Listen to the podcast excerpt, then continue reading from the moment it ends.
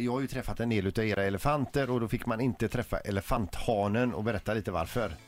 Han, idag så heter han ju Yoga. När du var tror jag att det var Kibo. Han har flyttat iväg nu här eh, för ett par år sedan snart faktiskt. Eh, nere i Valencia eh, om man vill titta på honom.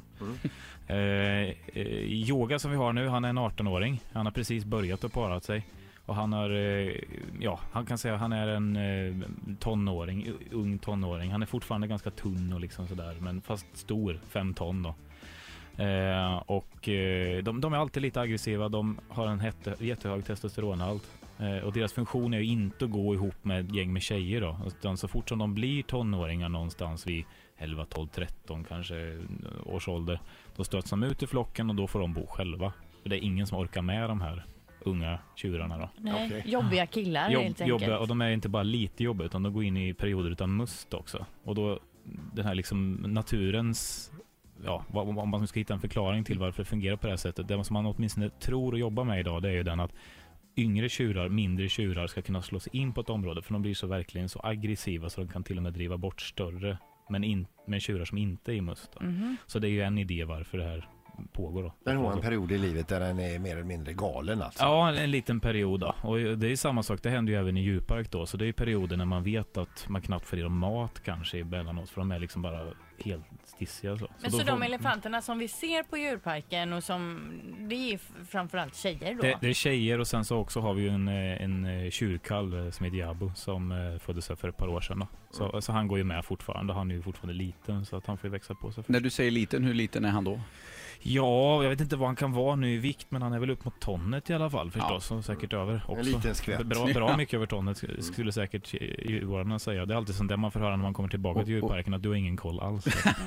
Men du, vi pratar ju bakom kulisserna här lite om den här elefant, eh, elefantkillen då som är så farlig och att det här att det alltid är de manliga djuren, precis som eh, även människosläktet, som är hetast, tuffast och farligast. Men så fanns det ett djur där tjejen är den tuffaste. Men det är alltså Fläckö när vi var på djurparken och de är ju de här daglevarna och de har ju stora klaner med en, med en eh, matriark i. Så att hennes funktion då när man, vi har ju bara en hona förstås, vi har inte fått några ungar än så länge på dem.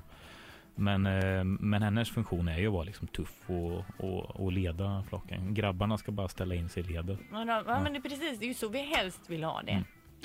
Ja, ni. Ja. Du, eh, vad, har du blivit skadad på djurparken utan något djur liksom som du har, eh, det- har, har det gått galet? Ah, Ja, det är väl både stora och små. Men man säger den att en, eh, alltså är man djurvårdare eller zoolog eller vad man är så ska man ha blivit stångad, biten, sparkad och så. Då, först då har man liksom, då är man Klar. på G. liksom, fullvärdig, ja. ja. Så att jag har blivit stångad, check på det, biten definitivt. Av? Bara både smått och stort och så. Det är liksom, ska man göra, men oftast smått som tur är, så att det inte är något stort direkt. Mm.